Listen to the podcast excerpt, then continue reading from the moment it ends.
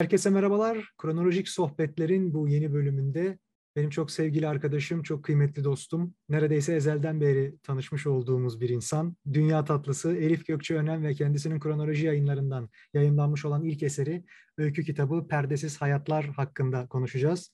Elif Gökçeönen, hoş geldiniz, sefalar getirdiniz efendim. Hoş buldum, teşekkür ediyorum. Şimdi öncelikle... Ee, çok mutluyum burada olmaktan. Teşekkürler. O mutluluk, o şeref bize ait. Şöyle bir özetleyelim. Bir kış günü sayılabilecek kadar karlı bir Mart günündeyiz. 19 Mart'ta dışarıda felaket bir tipi var ve muhtemelen sırf bu yüzden bile bizim yayın kalitemiz A band genişliği çok kaliteli değil. Biraz düşük, biraz sıkıntılı. Umarız şimdiden affolunur seyredenler tarafından. Olası teknik aksaklıklarda vesaire falan canlı yapmamamızın temel sebeplerinden bir tanesi de bu. Biz arada bir şekilde bunu en düzgün şekliyle size paketleyip programlayıp sunmaya çalışacağız efendim.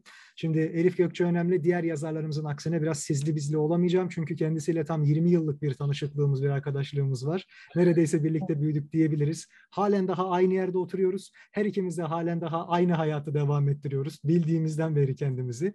Ve sonrasında da benim artık devasa bir nasıl söyleyeyim çılgınlık atılımıyla yayın evi kurmamın akabinde ezelden beri gene aklımda olan bir diğer fikri hayata geçirmem söz konusu oldu. Kendisine çok direttim. Lütfen şu öykülerini, şu kaleme aldıklarını bir yerde bir toplayalım.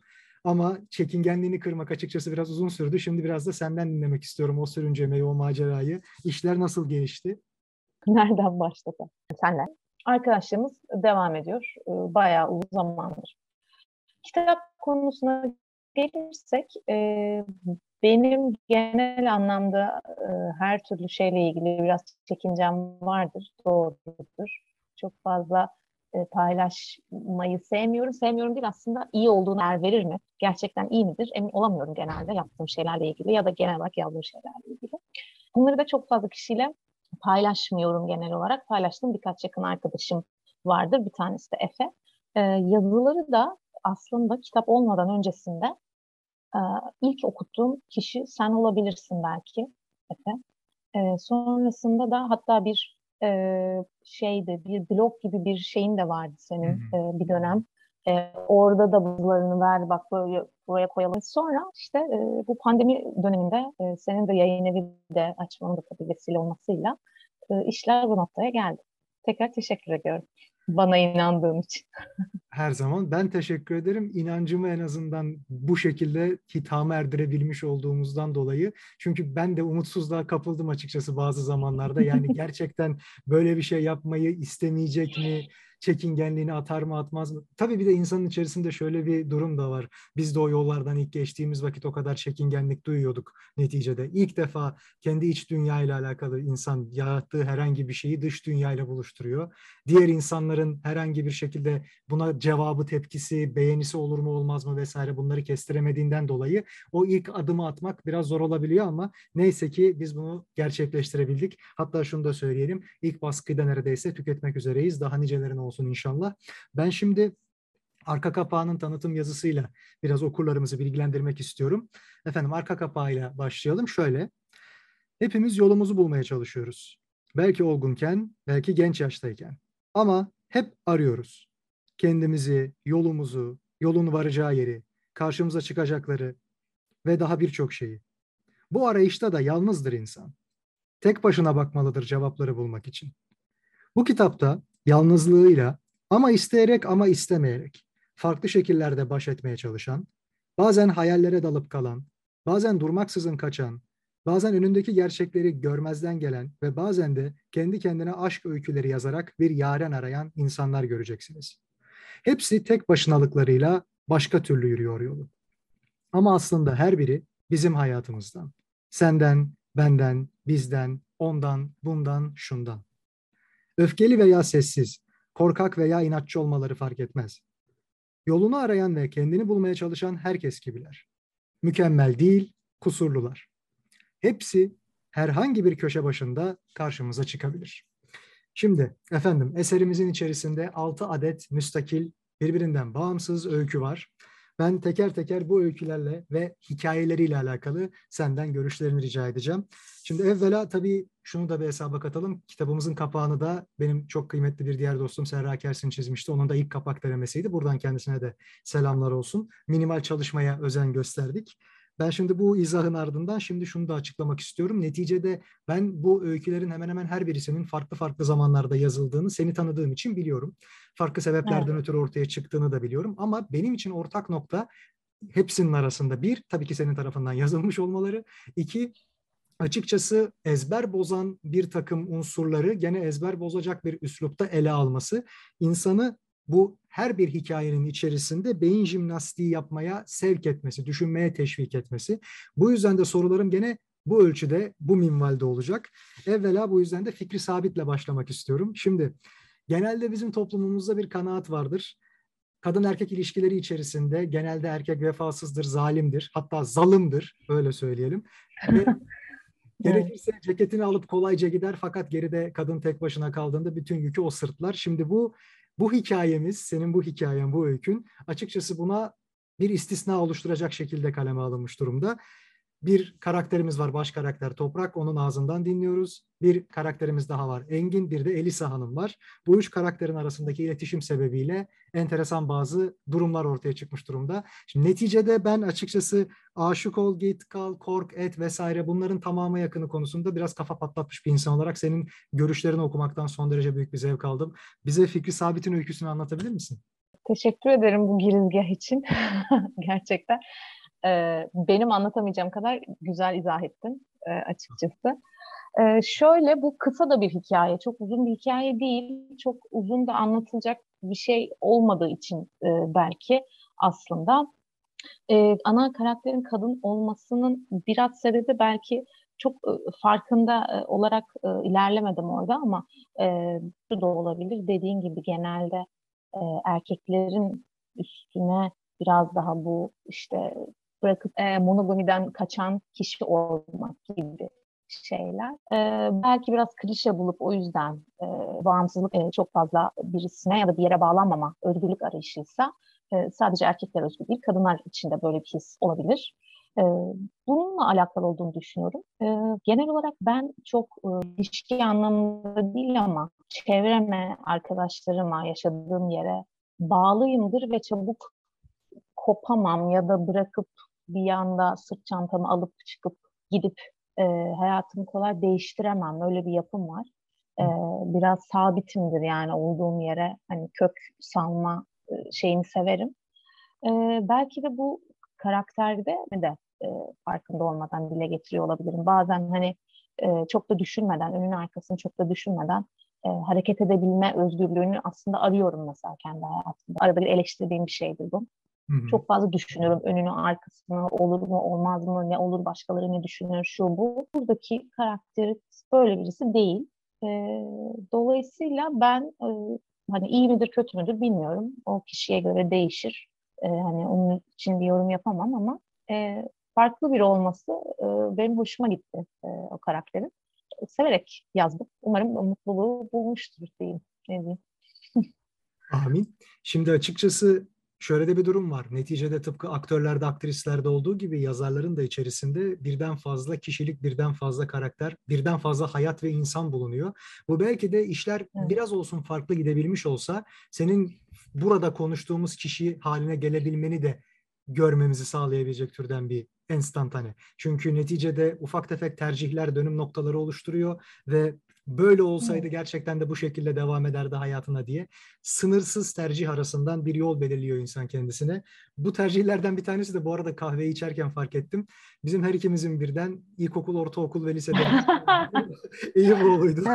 Biz aynı okulda da okumuş. Buraya bir ürün yerleştirme, bir ürün yerleştirme girdi buraya. Kaç zaman oldu Kupayı bilerek seçtin itiraf et. Ya gerçekten de öyle hakikaten enteresan bir tesadüf. Ya bana sor, bir şey soracağım bana söyleseydin önceden bunu planlamış olsaydık kupadan bende de var. Ben de alırdım. Böyle hatta aynı anda içer gibi yapardık. Aa ne tesadüf falan yapardık ama hiç planlamadık bunu. Ya ama bir... güzel bir tesadüf oldu seninki. Evet.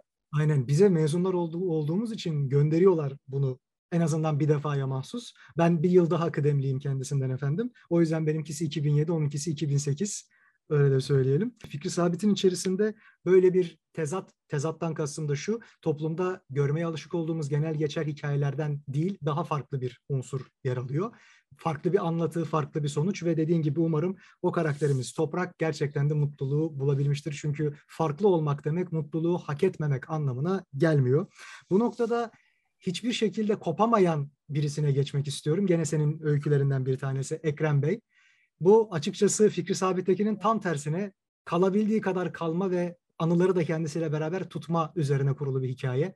Şimdi Ekrem Bey'in devlet dairelerinden birinde bir işi var. Bürokrasi sebebiyle ağırdan alınan bir iş. Fakat bürokrasi sebebiyle ağırdan alınması Türk vatandaşlarının genelinin şikayetçi olduğu üzere kötü bir şey mi? Yoksa iyi bir şey mi? İşte onu bu öyküyü okuduğumuzda görüyoruz. Bu hikayenin açıkçası ben arka planını çok merak ediyorum.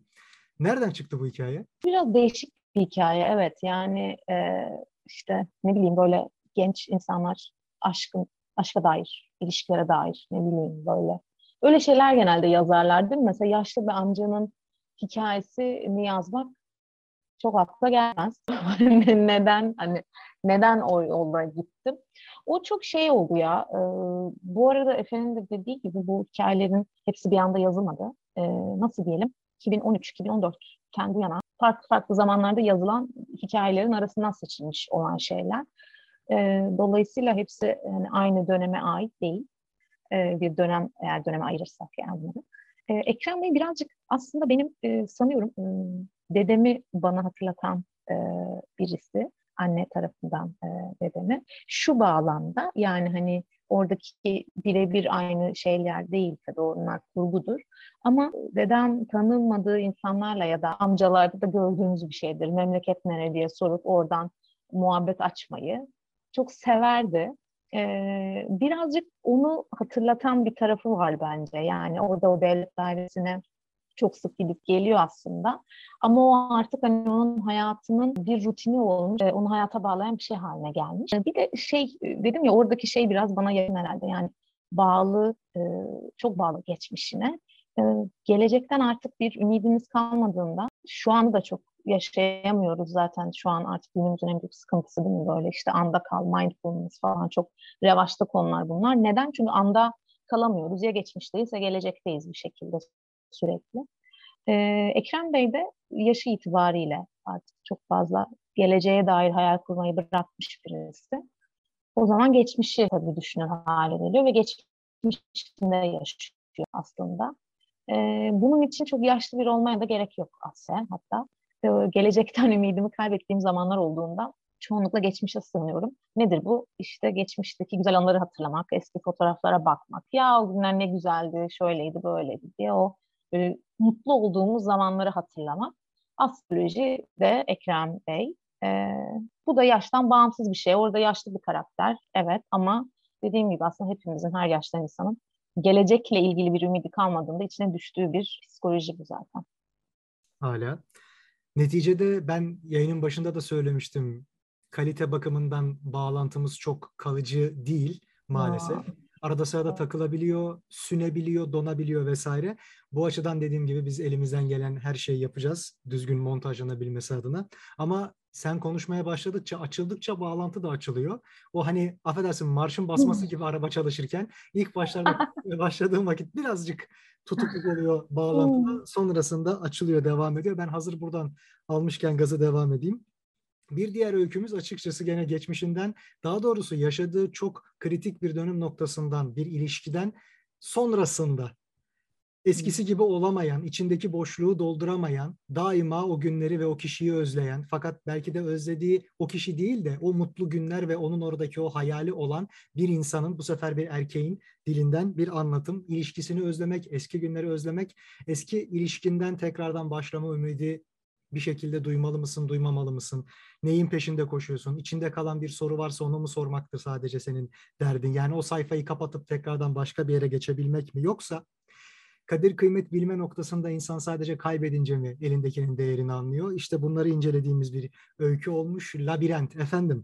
Labirent neticede kişinin kendi hatalarından ötürü başkalarını sorumlu tutabilmesi, kendi can acısından ötürü başkasını müsebbip olarak görmesi, bunları da okuduğumuz bir hikaye oldu. Şimdi efendim Gökçe Hanımcığım, labirent hikayesinin aslı astarı, esbabı mucibesi nedir?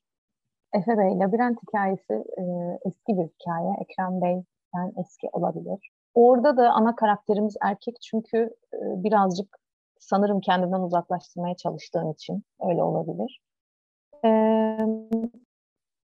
aslında orada hmm, nasıl diyeyim?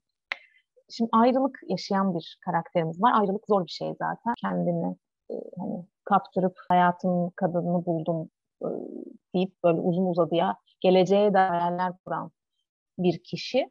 E, fakat beklemediği bir anda bir işte belli sebeplerden bir ayrılık yaşıyor. Alışık olmadığımız bir hikaye değil. Yani oradaki steplere baktığımızda insan neler yaşar, orada gördüğümüz şeylere yakın şeyler yaşar. E, ama burada bu e, karakterimizin bundan çıkış sürecini biraz daha görüyoruz. Şey gibi, insana okuduğunda ya evet bunlar gerçekten ben de yaşamıştım ama aslında böyle de bakılabilirmiş dedirtmek sanırım e, amacım oldu. Yani yaşanılan o acıyı hissettirmek ama sonrasında da ya bu sonsuza kadar devam edecek bir şey değil. Evet üzülüyoruz hayatta acı var, üzüntü var, kötü duygular var maalesef. Ee, ama bir gün bunlar illaki geçiyor yani. Ya biz kendimiz çaba sarf edip ayakta kalmaya çalışıyoruz ya da zaten zaman her şeyin ileri gerçekten hayat akıp giderken bir şekilde negatif duygular da geçip gidiyor bir zaman sonra. Yani e, labirentin içinde aslında e, bir şekilde biz yolumuzu bulmaya çalışıyoruz hepimiz. Bu e, şey de karakterimiz de yolunu bulmaya çalışıyor.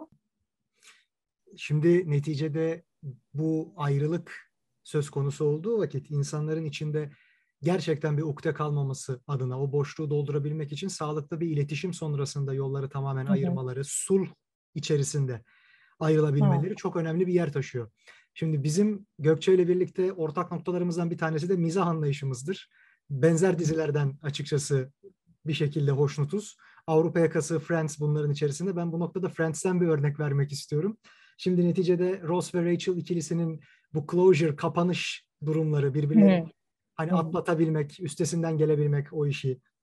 Bir şekilde arkadaşlıklarına belki devam edebiliyorlar onlar aynı ortamdalar falan da bu hikayede neticede böyle bir durum yok. Farklı farklı yollara gitmiş o insanlar ve farklı kararlar almışlar. Ama ilginç olan nokta şuydu. Belki de her erkek bunun bir şekilde cevabını duymak isteyecektir. Çünkü bir erkeğin ağzından bu hikaye anlatıldığından dolayı o kritik bir önem taşıyor benim açımdan da mesela. Açıkçası kişinin ruh eşini bulması, kadın bakış açısıyla bakacak olursak, bir erkekte ruh eşinin bulunmuş olması mı daha önemli yoksa ayakları yere basan, istikbal vaat eden birisinin olması mı? O kişinin.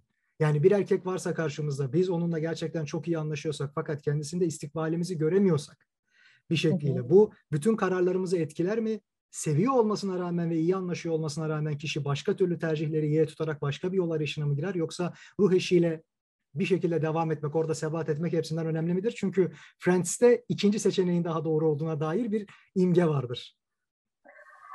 Ee, evet, güzel bir bağlantı oldu. Ben bunu yazdığımda Friends'i daha izlememiştim sanırım. Çok eski çünkü bu hikaye.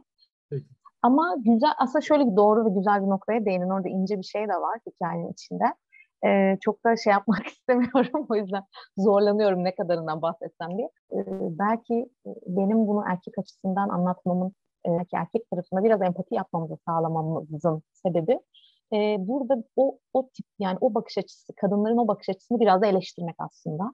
E, çünkü e, ciddi bir ilişkide yani işte nasıl diyeyim ciddi uzun süreli ya da belki evliliğe gidecek böyle birbirine bağlı uzun zamandır devam eden ilişkilerde e, kadının şey arayışı bir, bu tabii çok uzun bir şey bunun yani başka başka şeylerle saatlerce konuşulabilir de kadının güvenlik arayışı işte kadın neden hani e, erkekleri neye göre seçer falan filan vesaire vesaire.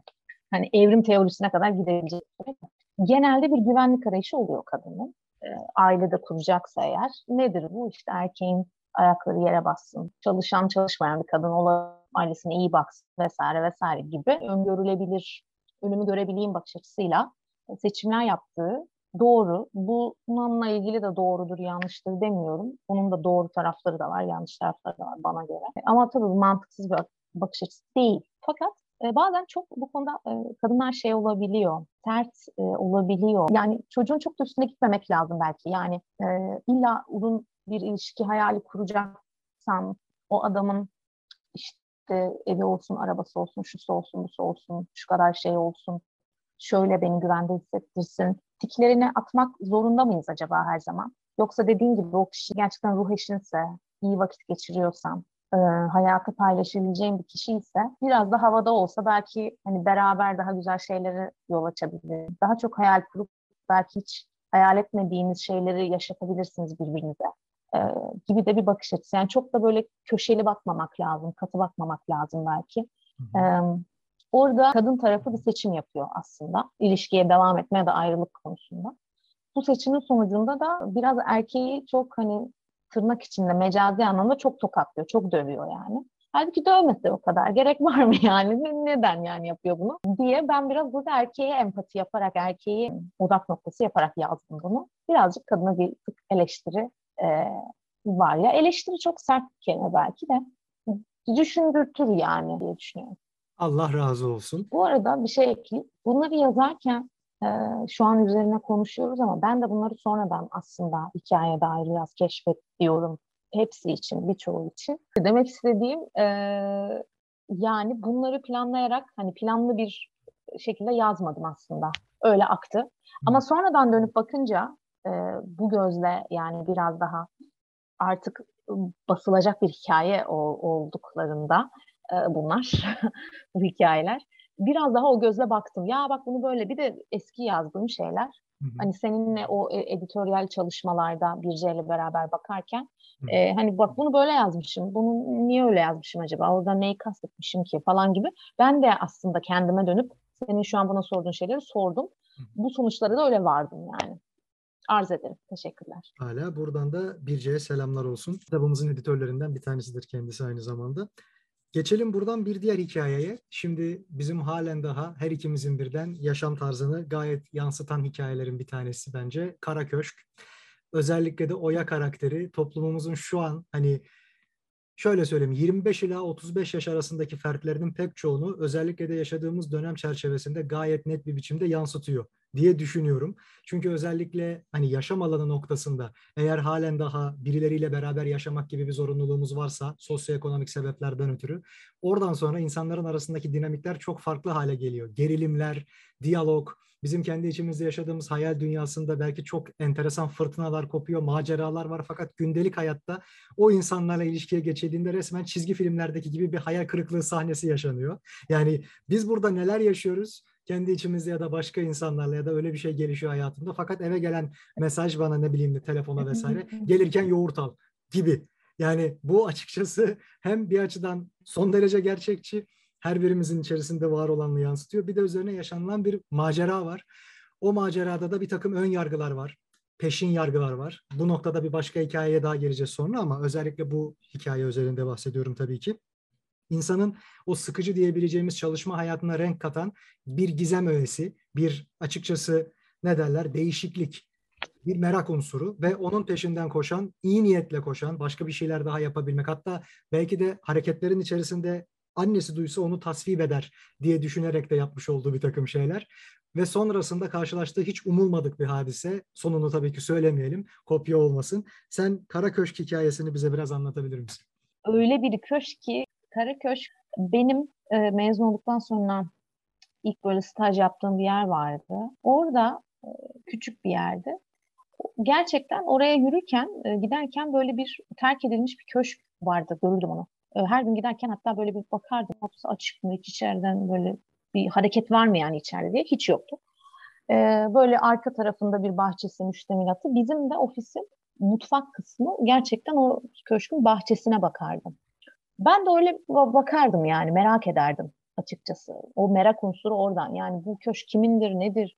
Çok da güzel bir şey. Ama böyle rengi gerçekten şey böyle kahverengi koyu bir e, ahşap fakat e, tabii bakımsız. E, çok üzülürdüm de biraz çünkü çok güzel bir şey bir köşk ve böyle gerçekten tadilata girse falan filan şehrin de göbeğinde yani.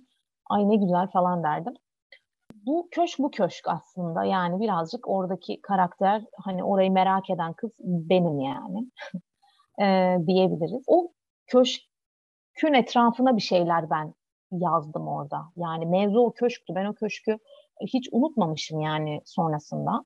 Sonra o staj yaptığım yerden ayrıldım falan filan ama şöyle baş karakterimiz ailesi annesiyle e, yaşıyor ve biraz e, oradaki anne de benim e, anneanneme biraz benzer. Anneannem e, biraz şeydi nasıl diyelim disiplinli bir kadındı. E, hani bizi torunlarına çok şeydi çok rahat davranırdı ama annemlere teyzemlere daha onlar çocukken biraz böyle katı ve disiplinli bir e, anneymiş yani o zamanlar öyle çok rahat davranmıyormuş. Dolayısıyla aslında şu anda belki müdahaleci diyebileceğimiz bir ebeveynlik yapısıyla yaklaşmış. Ama tabii burada jenerasyon farkı var. Eski dönem yani şimdi anneannem 87 yaşında mı vefat etti işte iki sene evvel. Demek ki yani çok çok e, baktığımızda eski bir dönemin kadını ve o ona göre büyümüş, ona göre yaşamış. Normları da ona göre tabii. Şimdi biz bu bakış açısıyla bakınca bize birçok şey saçma geliyor ama o dönemin bir, belki Anadolu'da birçok kadının normu böyleydi. Dolayısıyla biraz karakterimizin de annesi aslında müdahaleci ve sevgisini sadece korku üzerinden tanımlayan bir kadın. Yani e, o kadar korkuyor ki her şeyden, dışarıdaki her şeyden. Her şey sanki bir tehditmiş gibi. E, ve bu korkusunu ve kızına olan bu müdahaleci, koruyucu yapısını da ama seni çok seviyorum kızım ne yapayım hani başına ya bir şey gelirse Allah korusun diyerek e, açıklıyor. E, bu da tabii karakterimizin yaşamını birazcık şey yapıyor. Yani kız çok yalnız ve bunalmış bir kız aslında. Annesi evet canından çok seviyor ama annesi olmasa evde ya da kendine ait bir hayatı olsa çok daha yapmak istediği şeyler var. İşte hobi olarak ilgilendiği alanlar var. Onlara eğilecek belki. Belki hiç cesaret etmediği bir yola girecek hayatında. Farklı bir yol çizecek ama bunun tek bir kelimesini bile annesine açsa annesi belki dünyaya ayağa kaldırır. Nasıl Allah olur mu öyle şey kızım gül gibi işim var öyle şeyler yapılır mı falan filan gibi böyle bir yapı. Ee, Türkiye'de çok da aslında şey bize uzak olmayan bir yapı yani şu anda yani gençlerin e, biz de genciz bizim de şu anki daha bizden küçük gençlerin de birçoğumuzun yaşadığı bir şey yani belli dönemlerde. Köşk kısmına gelirsek orada aslında kızın e, bu tek düze ve hep annesinin belirlediği hayattan birazcık kaçış gibi. Orada o da bir merak unsuru var orada. Ee, o köşkü böyle kendine bir misyon ediniyor neredeyse ve sıkıcı hayatına bir e, renk katıyor gibi. Sonra işte nedir, ne değildir, kimdir bu? Orada bir hareket, bir şey var mı, yok mu? Bir küçük bir araştırma süreci oluyor. Sonrasında bu minik şey fantastik gizeme hani dönüşse bir romana dönüşse ne güzel olurdu mesela değil mi? O da olabilirdi yani oradan o şey Alice'in tavşan deliğine girmesi gibi. Ee, ama kısa bir hikaye bu. Dolayısıyla öyle bir olay örgüsü yok. Biraz daha e, çabuk ve kompakt e, sonuçlanıyor. Sonunda e, Oya kendi hayatına geri mi dönüyor? Her şey olduğu gibi mi devam ediyor? Yoksa böyle farklı bir şeyler oluyor mu? Onu da okuyanlara e, şey yapalım. E, orada bir merak unsurumuzu devam ettirelim. Öyle ya işte dedik ya hani arka kapağında herkes yalnız bir şekilde yalnızlığından kaçıyor vesaire yolunu arıyor gibi.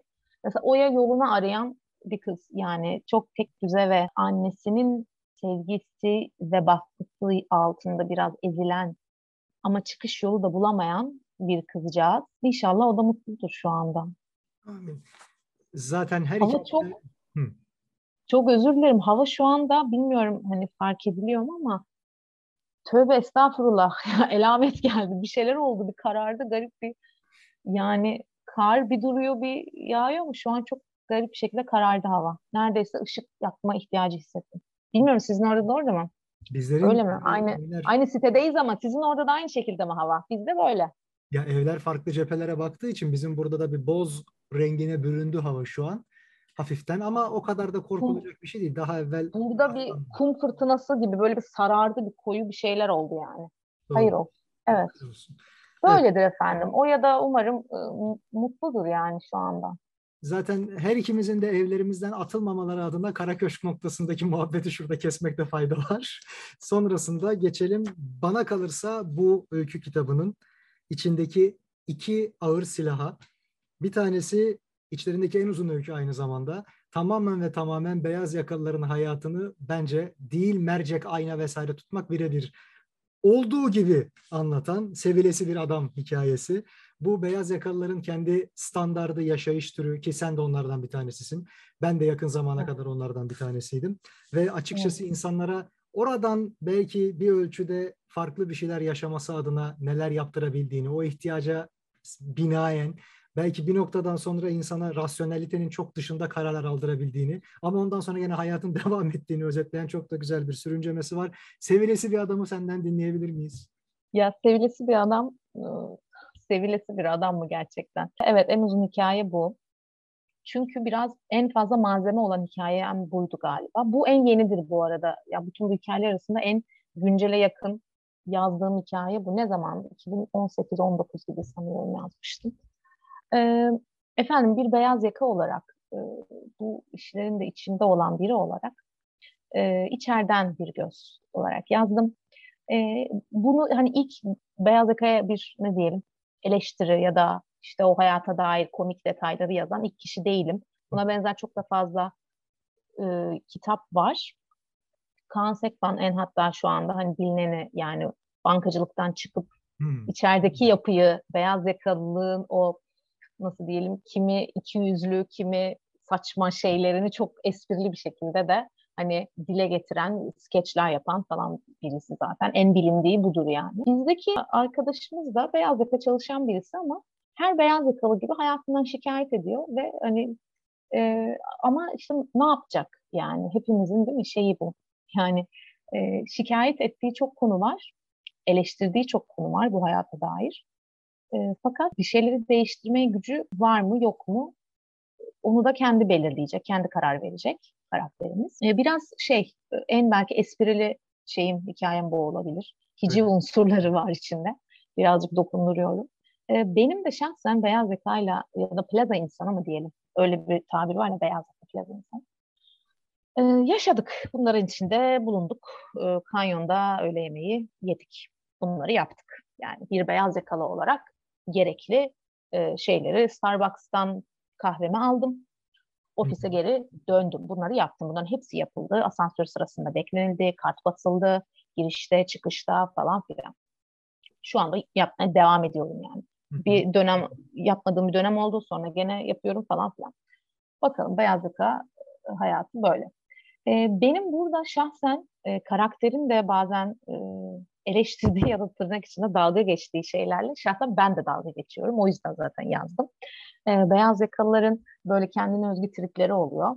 Ee, onlar bana da biraz şey geliyor, komik geliyor. Çünkü şey geyiği var ondan bahsedeyim. Bu Covid döneminde aşı çıktığı bir dönem vardı. Bütün SGK'lı işçilere aşı çıktı diye bir haber vardı. Ee, sonra hepimize yaştan bağımsız aşı olabilme hakkı kazandık ya.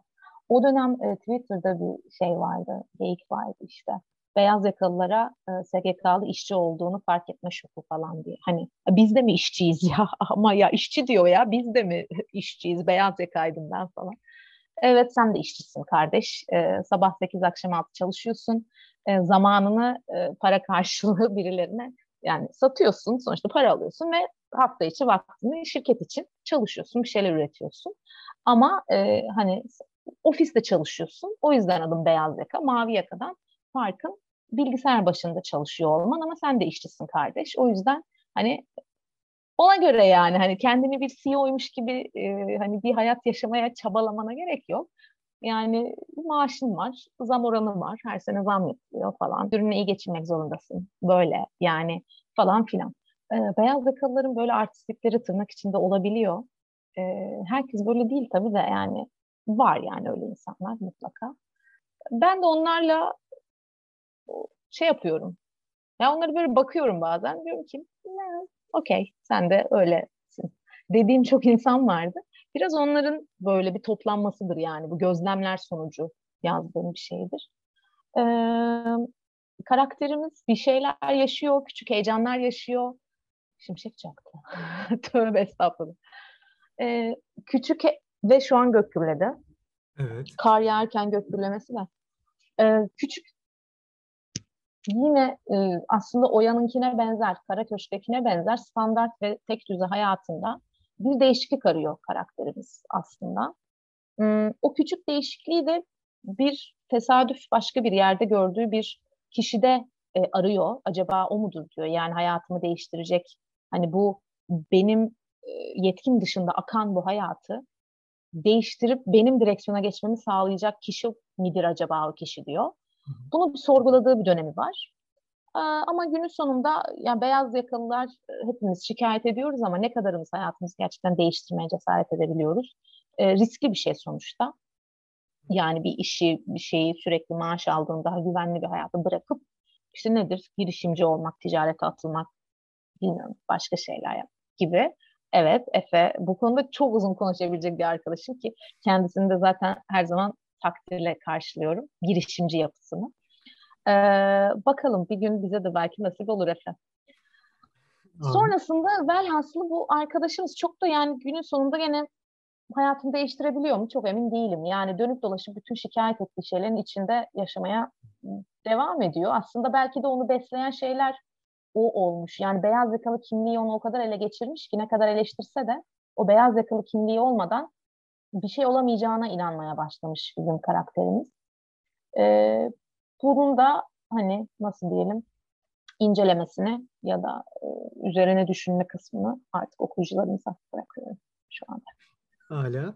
Neticede şöyle de bir durum var. İnsan dediğimiz zeki bir varlıktır ve zeki olduğu için de adaptasyon kabiliyetine sahip. Yani bulunduğu ortama, şartlara, koşullar her neyse artık bir noktadan sonra çok değişse bile kendini uydurabiliyor, uyum sağlayabiliyor. Hal böyleyken bir noktadan itibaren beyaz yakalıların pek çoğunun da aslında insanın kendi içerisinde bulunan o şikayet etme huyu bir yana gerçekten şikayetçi unsurlar varsa, hani şikayetçi oldukları unsurlar varsa hayatlarında bunlara rağmen orada kalmaya devam ettiklerini çünkü ötesine gitmeye, başka türlü bir maceraya atılıp düzen değiştirmeye çekindiklerini de biliyoruz. Kronik problemlerden bir tanesi yani alışkanlıklar da alışmış olmak da oraya adapte olmuş olmak da bir noktadan itibaren tercih mekanizmasını etkiliyor. Peki şunu da söyleyebilir miyiz? Kadın ya da erkek fark etmez. Bu hikayede temsil ettiği rol vazifesi açısından söylüyorum herkesin, bütün beyaz yakalıların hayatında bir Yasemin figürü var mıdır kafasının içerisinde? Ya da hayali? Vardır herhalde. Yani e, en azından dediğim gibi o akıp giden hayatı e, bir yerden tutup yani akıyor o hayat ve sen o başka bir yönde akmak istiyorsan eğer ama o yöne gitmeye cesaretin yoksa seni tutup birisinin o yöne e, sokmasını, oyuna yönlendirmesini e, ister insan bence. Yani dışarıdan bir e, yardımcı birisi olsa da, bir şey olsa da bana yeniden keşfettirse şu hayatı diye bilmiyorum. Olabilir bence. İhtiyacımız var bence Yasemin e, gibi karakterlere hayatımızda. Yaseminlere gelesiniz diye bütün okullarımızı buradan temennimizi iletelim. Madem öyle Kitabın son ve bana kalırsa sosyokültürel bakımdan en çarpıcı hikayesi olan, kitaba da ismini veren, bu benim tercihim de açıkçası. Bunu mutlaka kitabın ismi evet. diye. Evet, bu, bu olsun dedim. Aynen. Hiç orada benim şeyimi dinlemedi. Yani e, öyle mi yapsak, böyle mi yapsak demedi. Bu olacak dedi. Yayın evi sahibi editörümüz. Biz de dedik ki peki hocam öyle olsun. Şöyle ki sevilesi bir adam da mesela ön plana çıkan hikayelerden başlıcası olduğu için onun da isim olarak kitaba düşünülmesi gayet yerinde olabilirdi. Sadece perdesiz hayatların temsil ettiği şey bir erkek olarak benim açıkçası çok beğendiğim bir husus. Şimdi onu da açıklamaya girişeceğiz. Yakın zamanda mansplaining diye bir kavram ortaya çıktı. Bunun içerisinde gene yakın zamanın eseridir. Bir ifşa durumu söz konusu olduğu vakit çok ünlü bir Türk edebiyat yazarlarından bir tanesi çıktı ve şunu söyledi. Eril faillik diye bir şey vardır. Yani kişinin erkek olmasından ötürü imza atacağı bir takım suç davranışları yani faillik açısından fail çünkü suç varsa var. Neyse fiili işleyen kişi ama burada bir suç isnadı var. Hukukçuluğu da biraz burada tabii ki devreye sokarak söylüyorum. Bir de yine benzer dönemlerde çok ünlü bir aktör ve bir aktrisin başrolde oynadığı bir filmde erkeklik doğuştan gelen bir hastalıktır tespitinde bulunuyor bir kadın karakter. Bunların hemen ardından da biz toplumumuz içerisinde erkeklerin pek çok konuda olağan şüpheli olduklarını bir genelleme çerçevesinde tıpkı zamanında kadınlara ve halen daha kadınlara tabii yapıldığı gibi toplumsal roller bakımından mutlaka bir şey mi vardır? Bu noktada kesin aslında masum olan, doğru olan, haklı olan şu kişidir, şu cinsiyettir ve diğeri daha beterdir. Mutlaka ki onda bir şey vardır. İşte kadınlara çok bir takım iğrenç yakıştırmalar yapılır. İşte kaba tabirle cinselliği uyandıracak türden hareketler, iş ve cilve, eda, davet vesaire olmasaydı aslında böyle bir şey erkek teşvik teşvik olunmazdı. Buna bir şekilde ne derler artık heves etmezdi veya böyle bir şey teşne olmaz vesaire gibi. Veya benzer bir şekilde de kadın böyle yaptıktan sonra erkek tamamen doğru davranmış olsa bile en ufak bir sıkıntı ortaya çıktığı vakit zaten erkeğin bakış açısı budur. Böyle yapmak istiyordu da içinde kaldı aslında ah bir imkanı olsa gibisinden bazı ithamlarla karşılaşılır. Bu hikaye tamamen bence bunun çok güzel bir çözümlemesi bir kadın tarafından ve açıkçası erkeklerin nelere maruz kalabildiğini, ne kadar haksız ithamlarla baş etmek zorunda kaldığını da gösterir cinsten. Açıklamasını şöyle yapayım spoiler vermeksizin. Gerçekten de bir hanımımız, bir genç kızımız ki ismi de bu arada kız, isminin ne olduğu çok bir önemli değil hikayenin içerisinde. O da beni etkileyen unsurlardan bir tanesiydi.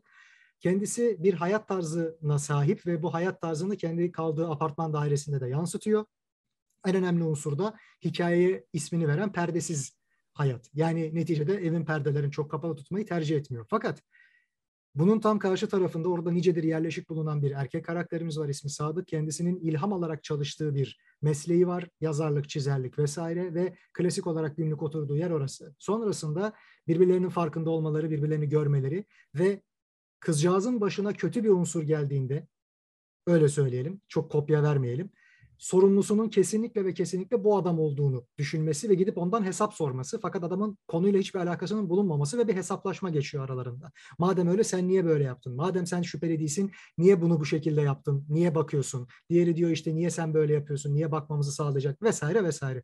Bir tartışma ilerliyor. Fakat sonrasında bir yargısız infaz hatta kesin hüküm haline dönüşen bir ön yargı ve peşin hüküm var ve sonrasında olan bir linç girişimi var gerçekten de sosyal bakımdan. O noktadan itibaren ben açıkçası bu hikayeyi bu şekilde anlatmak sende nasıl çağrıştı onu çok merak ediyorum, öğrenmek istiyorum. Bize perdesiz hayatların hikayesini anlatabilir misin? Güzel bir analiz yaptın aslında. Ben e, şunu itiraf etmeliyim ki hikayeyi yazarken karakterlerin işte ana karakterimizin erkek olması vesaire gibi gibi bu seçimleri yaparken açıkçası bunların e, yani bir sosyokültürel bir e, eleştiri ya da bir şey düşünerek e, yazmadığımı söyleyebilirim. Ama bu hikayenin sonunu bağlarken belki biraz orada bir karar vermem gerekiyordu. Bu şekilde yazmayı tercih ettim. Ama hani fikir nasıl çıktı dersen aslında fikir tamamen çok fazla hani işte yaşadığımız bu bizim sitede de blok blok biliyorsun. Apartmanlarda yaşıyoruz yani ve işte akşam oldu mu apartmanlar da birbirine yakın yani genelde İstanbul'da öyledir. Çoğunlukla da perdeler hep kapalıdır yani hele böyle işte yatak odası cepheleri falan filan. Bazen perde açık olan yerler olur, bizim de olur vesaire.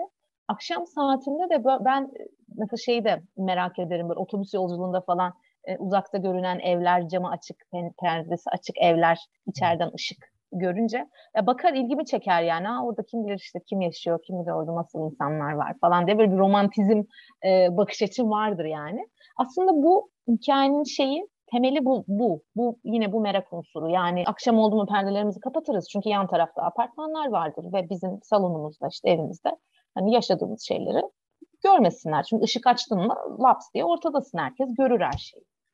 E peki kapamasak yani ne olur yani diye düşünmeyle aslında ya bu düşünceyle bu hikaye netleşti. Ee, yine yalnızlık öğesi şöyle var aslında. Diğer e, Sadık karakteri burada yine Oya gibi e, belki işte Ekrem Bey gibi e, yani yalnız bir insan var burada. Kötü niyetli değil, sapık değil, manyak değil. E, işi gücü yerinde belli bir entelektüel seviyeye sahip. E, fakat yalnız bir adam. Bir iki tane işte arkadaşı var bahsediyor onlardan. Ama günlük hayatında çok da fazla hani karışın görüşeni yok. E, dolayısıyla yalnızlık e, şeyindeyken e, dikkatimi çeken bir karşı pencere var aslında mevzu bu. Karşı pencere ise çok da hani e, inanılmaz marjinal bir kız da değil aslında ama evet özgür bir kızımız var. E, ve yani bir insanın evinin perdesini açması, kapaması, ışığını yakması, yakmaması tabii ki kendini bağlar yani bu tamamen kişinin tercih meselesi. Ee, uzaktan uzağa sonrasında bir nasıl diyelim romantizm mi, arkadaşlık mı bir şey böyle başlamasına dair bir Sadık'ın küçük bir ümidi de olmuyor değil. O yalnızlığına bir aslında çare e, bulmaya çalışıyor ve kendini ya bu yanlış aslında bunu ben yapmayayım demesine rağmen merak unsuru orada yine böyle tırmalıyor yani onu. E, sonunda da biraz işte nahoş olaylarda kendisini şeye e, hedef noktasına getiriyor bu merak şey curiosity killed the cat gibi yani. E, böyle bir hikaye. Burada şu anlamda hani analizine şöyle bir şey yapabilirim. E, genelde kadının beyanı esas alınıyor. Doğru. E, burada e, hani şey diyemem ama yani işte erkekler de yazık ya çok hani üzülüyorum e, erkeklere de hep hani iftira atılıyor ya falan gibi bir e, şeye şu anda Türkiye'nin şu anki şartlarında çok da gir, girmem yani açıkçası. Kadının beyanı esas alınıyor. Öyle olmalı çünkü genele baktığımızda hani sen hukukçusun daha iyi biliyorsun sayılara baktığımızda mağdur kadın şu an Türkiye'nin ya işi politik politik tarafına girersek şu an konu çok uzar ama e, orada çok hani gerçekten haksız bir durum var. E, bu hikaye de bu arada eski yani yine yeni hani bu kadın cinayetlerinden sonra yazılan falan bir hikaye değil. E, hiç o tarafa politize bir tarafı da hiç yok aslında. Sadece yalnız bir adamın yalnızlığını karşıda gördüğü bir ışık ve daireyle böyle bir şey yapması diyelim işte. Merak dedik ya. E, ama hani politize tarafına gelirsek yine genelde kadın beyanı e, esas alınması aslında şu an Türkiye için bence doğru bir şey. Ama tabii ki baktığında e, bu, bu durumda bir kadın e, bir erkeğe iftira atamaz mı? Atabilir tabii ki. İş yerinde olabilir, başka bir yerde olabilir. Hani bu kişi işte beni taciz etti, beni rahatsız etti dediğinde bir kadın bu yalan bile olsa yani dediğim gibi iftira bile olsa e, erkek için bir hani şeydir, lekedir yani o kişi işten çıkarılır bir şey olur vesaire. E, bunun kanıtını bulmak zor. Mobbing gibi ya da bu tarz şeylerde gerçekten o an gerçekleştiği anda e, bir kamera kaydı bir şey yoksa sonrasında kişilerin beyanları esas alındığı için şeyi de zor bir şey, e, kanıtı da zor bir şey. E, burada bizim erkek karakterimiz biraz mağdur oluyor. Halbuki aslında bir suçu da yok. Ama bir olumsuz bir durum yaşandığında hani ilk akla gelen kişi o oluyor tabii. Birazcık günah keçisi oluyor. Burada da ne diyelim yine merakının kurbanı mı oluyor diyelim öyle diyebiliriz belki. Biraz değişik bir bakış açısı evet yani bunu e, hani böyle finalize etmeyebilirdim. Farklı olabilirdi ama e, böyle tercih e, ettim. İki tarafı da suçlamak istemedim aslında. Kız da kendi adına haklı. E, Sadık da kendi adına haklı. İkisi de kendi halinde insanlar aslında hani birbirlerine bir garezleri yok. Keza kızın sonrasında Sadık'ı aslında merak edip belki tanımak için işte e, bir iki şeyi de oluyor. Yani orada kızın da aslında masumane bir ilgiyi fark edip karşıdan gelen ilgiyi fark edip e, o da o ilginin sahibinin nasıl biri olduğunu da merak ettiği küçük noktaları da var. Ama iş tabii biraz daha nahoş bir finale doğru nahoş tarafa varınca o minik ilgiler, şeyler, meraklar bir tarafa e, kaldırılıyor ve iş artık somut anlamda hani bir suçlamaya gidiyor tabii. Hayat bazen böyledir yani evet üzücü ama e, böyle. Gerçekçi olduğuna dair zaten hiçbir kuşkum yok. Şu açıdan da benim dikkatimi çeken unsurlar vardı hikayenin içerisinde. Hanım kızımız neticede şüphelerinin doğru olup olmadığını öğrenmeye geldiği vakit öncesinden zaten kişinin fail olarak görülmesini sağlamış diğer insanlar tarafından. Evet. Şimdi evet. bir açıdan bu kendini emniyete alma ihtiyacı olarak evet ben böyle bir şey yapmaya gidiyorum ama herkes de bilsin ki bakınız böyle bir tehlike var deme noktasında evet. etkili bir tedbir. Fakat Madem öyle daha sonrasındaki dönüşüm niye herhangi bir şeye tesir etmedi? Ben toplumun açıkçası bu konuda erkek ve kadına özellikle de genç, güzel, cıvıl cıvıl, pırıl pırıl bir kızcağızın hayatını bu şekilde yaşamak isteyen ve muhtemelen de o insanların pek çoğunun içinde kalmış bir hayat tarzını yaşamak isteyen, bunu gerçekleştirebilen bir kişinin vermiş olduğu beyanın birisini lekelemesinin ardından o beyan düzelse veya iş doğrulsa bile toplumun kafasında bir şeylerin değişmediği, evet. kişinin olağan şüpheli olarak görülmeye devam ettiğini. Çünkü kolay hedef artık. Bunu görebiliyoruz. Evet. Maalesef ve maalesef o kadının da zaten bu hikaye içerisinde bazı şeylere çok kolay hedef olduğunu görüyoruz. Gene yaşam tarzı bakımından. Dolayısıyla maalesef bizim seçimlerimiz, tercihlerimiz, yaşam tarzımız bizim kaderimizi teşkil ediyor. Ve bu noktada başıyla da sonuyla da içeriğiyle de bence çok gerçekçi bir öyküydü. Tekrardan kalemine sağlık.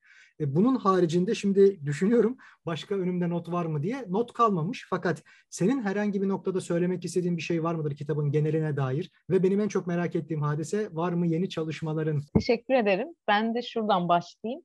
E, perdesiz hayatları ile ilgili hani son hikaye bu hikayeyle ilgili konuşurken orada biraz toplumu da tabii eleştiri de var aslında haklısın. Bizim toplumumuz bu konulara çok şey e, mahalle baskısı adı altında da diyebiliriz. Dedikodu şu bu işte bekar bir kız olur. Aa kim gelmiş, kim gitmiş, o kimmiş, neciymiş falan.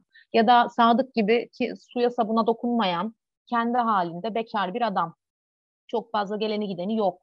Hı hı. Ee, kimseye zararı da yok. Çok ses de çıkarmıyor. Şimdi böyle bir kişi de hemen ay o kim ki zaten ki ne olduğu da belli değil onun. İşte geleni gideni de yok. Kesin odur.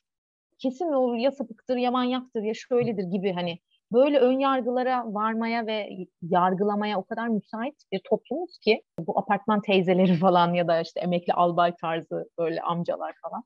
Evet, ee, biraz or orada da bir eleştiri var tabii. Yani dediğin gibi çamura izi kalsın. Hani Sadık e, orada devam etseydi yaşamaya e, hep mimli kalacaktı.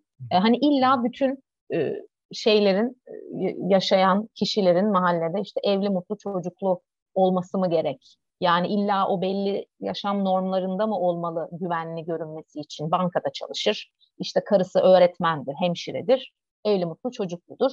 Böyle bir çekirdek ailedir. Ha öyleyse tamam onlar çok iyi insanlar. Öyle midir gerçekten ya bu ailenin iç yüzünü nereden biliyorsun? Hani ya da her bekar yalnız yaşayan ya da daha işte özgür yaşayan insan illa kötü müdür? İlla hani ipsiz sapsız mıdır? Değildir. Ama işte bizim toplumumuzda biraz öyle bir algı var. Yani emlakçıların da şey var da öğrenciye vermem, bekara ev vermem işte şey memur olmayana ev vermem falan. Kime vereceğim bu evleri? Yani vermeyip ne yapıyorsunuz bu evleri Leyla ile Mecnun'daki gibi. E, dolayısıyla orada topluma da bir eleştiri tabii var. Haklısın. E, ya kendi halinde insanlar aslında suya sabuna dokunmayan insanlar biraz şey olabiliyor, hedef olabiliyor bu tarz e, durumlarda. Farklı olay. Bunu da böyle evet, evet bunu da böyle e, bitirelim. Onun dışında e, kitaba dair yani benim için aslında çok hayal dahi etmediğim, istediğim ama hayal etmeye e, cüret edemediğim bir şeydi yani bir kitap çıkarmak. E, burada e, senin tabii yönlendirmen ve cesaret vermen çok büyük etkisi oldu. Çünkü bu hikayeler duruyor du bilgisayarda, dağları da var. E bunları ilk sen okudun. Okuduktan sonra olumlu yorumların oldu. Ee, bundan sen bana ilk dediğinde şey dediğini hatırlıyorum. Ya Efe bunlardan kitap olur mu ya emin misin? Hani, tamam da ya bunun, kitap olur mu ki bunlardan diyecek kadar bir özgüvensizliğim vardı. Orada hani vazgeçmeyip e, beni de bu hayale inandırdığın için ki buna dair bir küçük teşekkürüm de vardır e, kitabın içinde. Vardır, Orada da duygularımı e, hani şey yaptım sana aktardım. Tekrar teşekkür ediyorum. Teşekkür. E, benim için yani çok güzel bir deneyim tabii.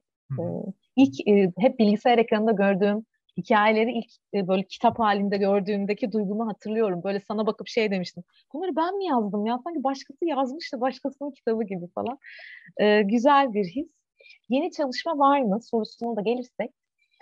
E, beyaz yakayım efendim belirttiğim üzere. E, sabah 8 akşam 6 çalışma saatim e, var. Ve şey ya birazcık hani harala gürele iş güç biraz yoğunluk var e, bu aralar.